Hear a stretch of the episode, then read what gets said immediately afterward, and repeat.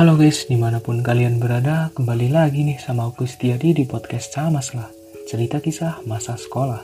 Seperti yang aku katakan di intro podcast kemarin nih, di sini aku akan bercerita tentang pengalaman aku di mana waktu itu kelas aku tuh pernah terjadi suatu konflik dengan kelas sebelah. Karena hal yang hmm, dapat dibilang sepele sih kalau menurut aku. Karena masalah ini tuh sebenarnya diselesaikan baik-baik juga bisa kok. Cuma kan karakter seseorang tuh kan beda-beda jadi ya terjadilah kejadian ini. Ditambah emang dari awal semester 1 tuh aku, kelas aku sama kelas sebelah ini udah sering kayak ribut gitu. Cuma buat masalah kali ini nih yang jadi besar. Sampai aku dan beberapa teman aku diancam mau dikeluarin dari sekolah. Sebelum masuk ke cerita aku mau disclaimer dulu nih. Cerita ini hanya sekedar sharing pengalaman aja ya bukan mau gimana-gimana. Oke okay, back to topic Konflik ini terjadi pada tahun 2017, tepatnya waktu aku kelas 9. Awal mula kejadian tersebut, waktu itu pas jam istirahat, aku dan beberapa teman aku sedang di kantin sekolah. Karena sedang jam istirahat, kemudian setelah beberapa menit salah satu teman aku bilang, Eh, aku mau ke WC sebentar ya. Katanya, dia Budi namanya. Setelah beberapa saat, teman aku ini kembali. Tapi raut wajahnya kelihatan kayak marah gitu. Kemudian salah satu teman aku yang bernama Awan nanya, kenapa kamu mukanya gitu? Terus Budi cerita, jadi setelah selesai dari WC, teman aku ini keluar. Dan pas buka pintu, emang agak keras sih dia buka pintunya. Eh nggak taunya di depan pintu itu ada anak kelas sebelah sedang lewat di depan pintu WC tersebut. Anak ini namanya Satria. Dan kejadianlah, pintu yang dibuka teman aku ini kena ke jidat Satria. For your information aja nih guys. Jadi pintu WC di sekolahku tuh kalau dibuka arahnya keluar. Jadi kalau kita dari dalam misalnya didorong nggak bisa ditarik. Di sini Budi langsung kaget, kok malah kena orang gitu. Dan Budi langsung meminta maaf kepada Satria dan mengajak bersalaman. Tapi si Satria malah marah-marah dan langsung ngajak Budi berantem. Di sini Budi langsung terdiam karena dia tahu bahwa di sini dia memang salah dan posisi dia juga sendirian, sedangkan si Satria sedang bersama beberapa temannya. Di sini sempat terjadi cekcok adu mulut beberapa saat. Setelah terjadi cekcok adu mulut, si Satria tetap tidak terima dengan perbuatan Budi. Akhirnya salah satu teman si Satria bilang, "Ya udah, daripada ribut di sini, ntar kita ketemuan aja habis pulang sekolah di suatu tempat buat ngelarin masalah dengan baik-baik." Dan setelah itu teman aku langsung balik ke kantin dan di sini salah satu teman aku yang bernama Awan langsung menanggapi. Ya udah, gas saja, tar mau ketemu di mana? Ucapnya dengan keras. Lalu di sini aku bilang, eh santai aja dulu, jangan langsung terbawa emosi. Tar kita temu aja. Mereka maunya apa? Dan setelah ini, aku dan semua teman-temanku yang di kantin balik ke kelas.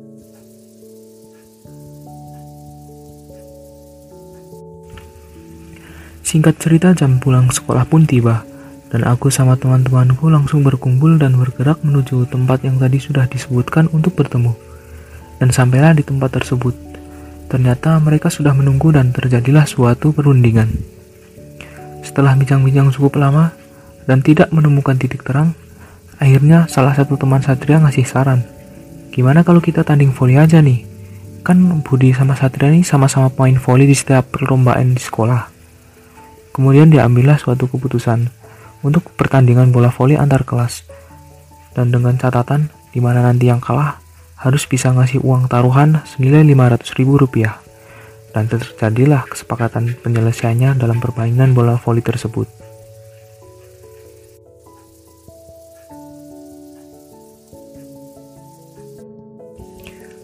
Beberapa hari berlalu, Suatu hari aku sama teman-teman aku sedang bermain bola tenis di dalam kelas.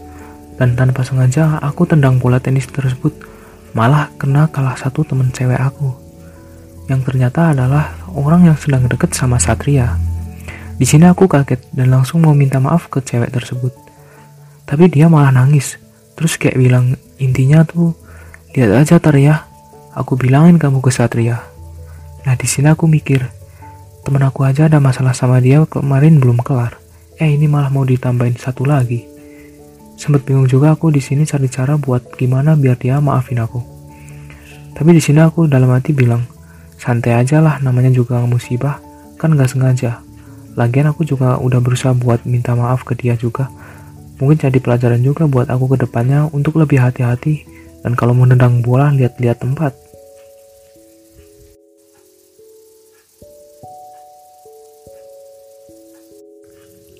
Keesokan harinya tibalah di hari pertandingan bola voli tersebut.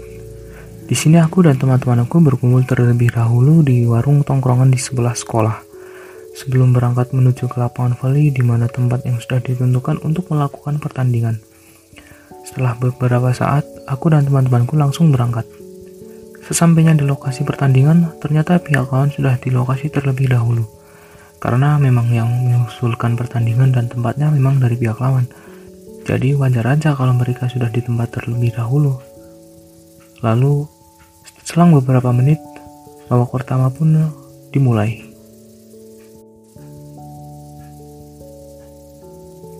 Dan anggota supporter kelas aku dan kelas lawan pun mulai ramai. Di babak pertama, memang kelasku agak kewalahan untuk menghadapi tim lawan karena memang sebagian besar anak kelas sebelah memang rata-rata pemain voli, baik di desanya maupun di sekolah. Setelah beberapa menit, babak pertama pun selesai. Dan benar saja, babak pertama kelasku kalah dengan selisih skor 6 poin. Kemudian break sekitar 10 menit. Setelah break sebentar, kemudian babak kedua pun dimulai. Di babak kedua ini kelasku dapat mengimbangi permainan lawan. Karena salah satu teman aku telah berhasil menganalisis permainan anak kelas sebelah. Kemudian di babak kedua ini kelas aku telah merancang strategi dan setelah beberapa saat, pada akhirnya babak kedua dapat dimenangkan oleh kelasku dengan selisih skor 4 poin. Kemudian lanjut babak ketiga. Di sini permainan mulai memanas. Yang awalnya santai kini semakin keras. Dan pukulan bolanya pun yang awalnya untuk mencari poin sekarang malah jadi saling diarahkan ke pemain lawan. Emosi pun tak terbendung di antara kedua belah kelas. Kemudian terjadilah suatu kejadian di mana salah satu anggota tim lawan matanya terkena smash bola yang kemudian ia langsung tergeletak di tengah-tengah lapangan. Sontak pemain dari kelas aku menertawakan hal tersebut yang kemudian memancing emosi dari pihak lawan. Di sini awalnya cuma cekcok adu mulut, tapi semakin lama semakin memanas dan salah satu supporter dari pihak lawan masuk ke lapangan voli dengan tujuan memukul salah satu teman aku. Nah, di sini sontak anak-anak kelas aku juga langsung ikutan turun semua ke lapangan dan pecahlah emosi kedua kelas tersebut. Di sini udah pada lost control semua tuh yang cowok. Semuanya pada ribut. Sementara anak ceweknya cuma bisa teriak, udah udah jangan pada ribut. Karena ya namanya juga cewek kan, gak mungkin juga cewek mau misahin cowok yang sedang ribut. Dari jumlah juga nggak imbang. Anak cowok kelas aku cuma 9 orang di sini. Sementara anak kelas sebelah ada sampai 14 orang. Di sini keributan terjadi cukup lama, dan pada akhirnya ada tiga orang pemuda warga sekitar yang kebetulan lewat dan berusaha melerai perkelahian. Tiga pemuda tersebut juga cukup kewalahan untuk melerainya, karena jumlah anak yang ribut kan beberapa kali lipat dari mereka. Setelah beberapa saat, peleraian pun berhasil dilakukan. Kemudian, anak-anak dari kelas sebelah langsung disuruh pulang terlebih dahulu, karena jika tidak, takutnya akan terjadi keributan lagi. Kemudian salah satu dari pemuda tersebut nanya, ini kenapa kok bisa terjadi keributan seperti ini? Lalu salah satu teman aku yang bernama Brian menceritakan hal tersebut, mulai dari awal mula kejadian sampai terjadi keributan. Setelah menceritakan itu, kemudian tiga pemuda tersebut memberikan tanggapan. Kalau bisa, jika terjadi suatu permasalahan, lebih baik diselesaikan secara baik-baik terlebih dahulu. Jangan dikit-dikit ribut, dikit-dikit berantem. Terus kami menanggapinya dengan meminta maaf setelah berbuat keributan di sekitar rumah mereka. Kemudian setelah beberapa menit, tiga pemuda ini mempersilahkan anak-anak kelasku untuk pulang.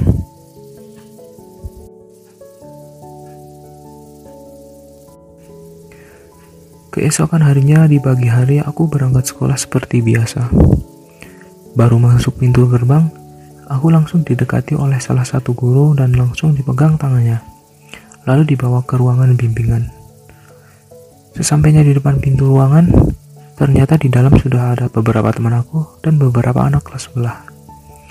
Setelah itu aku duduk di samping teman aku. Setelah anak-anak yang kemarin ikutan ribut berkumpul semua, ditutuplah pintu ruangan tersebut. Dan di sini kami disidang oleh bapak kepala sekolah dan beberapa guru bimbingan konseling.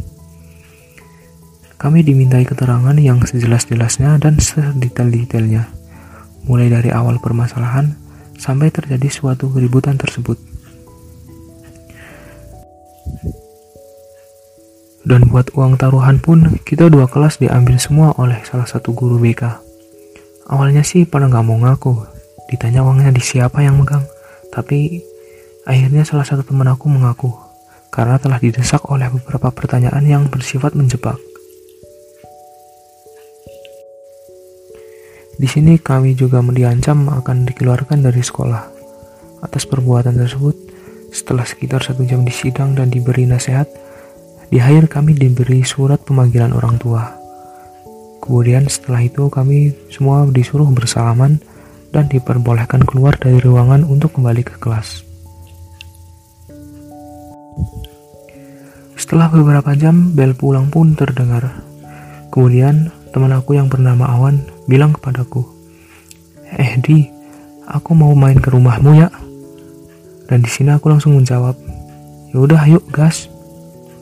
Di perjalanan pulang, teman aku ini cerita bahwa dia sama orang tuanya sedang ada suatu permasalahan. Dan ditambah di sekolah pun dia mendapat suatu masalah juga. Dia juga dapat surat peringatan buat orang tua. Makanya dia agak stres atau gimana gitu. Dan gak berani buat langsung pulang. Dia berpikir kalau dia pulang mau kasih surat itu juga gak berani karena ya kondisi sebelum mendapat masalah di sekolah pun dia udah ada masalah dengan orang tuanya. Setelah bercerita aku bilang, ya udah mending kamu ke rumahku aja dulu daripada kalau langsung ke rumah paling nanti jadi ribut sama orang tua.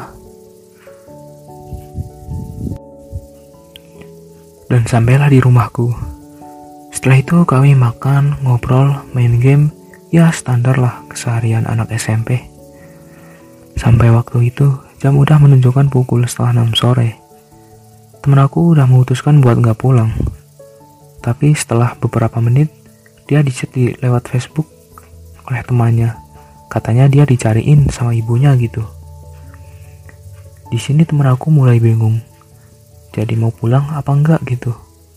Setelah ia berpikir dan mempertimbangkan semuanya, akhirnya dia bilang, "Di, minta tolong buat anterin aku pulang yuk mau pulang aja lah tapi ke rumah kakekku bukan ke rumah orang tuaku. Gitu sih ucapnya. Di sini aku langsung menanggapi oh gitu. Yaudah yuk gas. Terus aku anterin nih awan ke rumah kakeknya. Di perjalanan dia juga cerita lagi.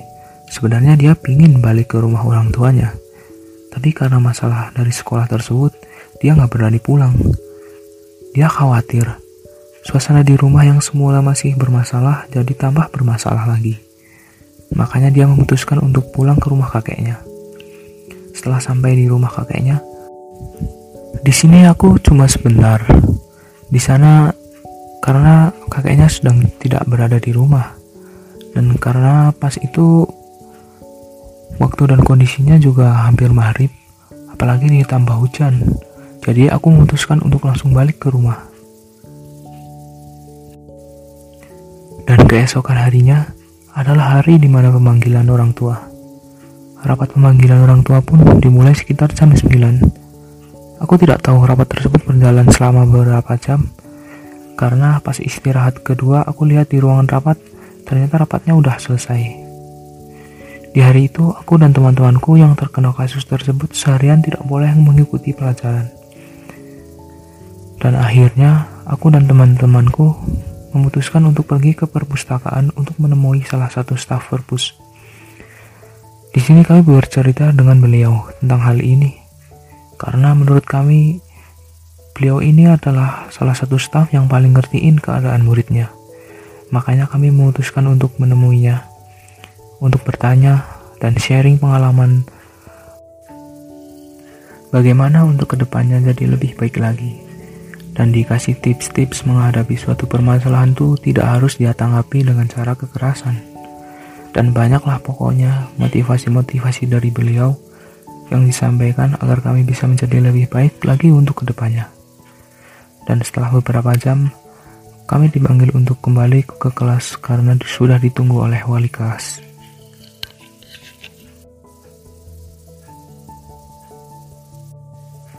Dan saat kembali di kelas, ternyata di dalam kelas sudah ditungguin oleh ibu wali kelas sudah lama ternyata. Kemudian aku dan teman-temanku langsung masuk dan dinasihati lagi. Dan di sini aku benar-benar kayak nggak tega gitu Ibu wali kelas sampai mau nangis pas nasihatin kami. Di sini aku juga ngerasa kayak berbuat salah yang besar banget. Ketika juga ngeliat wali kelas sampai mau nangis gitu akibat perbuatan yang kami lakukan. Dan di akhir ucapannya, ibu wali kelas bilang, ini kesempatan terakhir dari ibu. Kalian harus bisa janji bakal berubah jadi lebih baik untuk ke depannya. Karena kelasku udah sering buat masalah sebelumnya, makanya ibu wali kelas ngasih peringatan untuk terakhir kalinya. Dan dari permasalahan inilah kami semua sadar bahwa masalah sekecil apa pun dapat menjadi besar, tergantung bagaimana cara kita untuk menyikapinya. Maka dari itu kita harus selalu berhati-hati dalam berbuat, mengucapkan suatu hal, dan menyikapi suatu permasalahan. Ya, begitulah cerita singkat tentang pengalaman aku waktu di sekolah. Aku harap kalian bisa ambil hikmah dari pengalaman aku, ambil sisi positifnya dan buang jauh-jauh dari sisi negatifnya. Oh iya, aku mau ngingetin sekali lagi nih, buat kalian semua yang ingin update terus info seputar podcast sama selah, langsung saja kalian bisa follow akun Instagram @samaslah underscore 20. And see you in the next podcast. Bye-bye.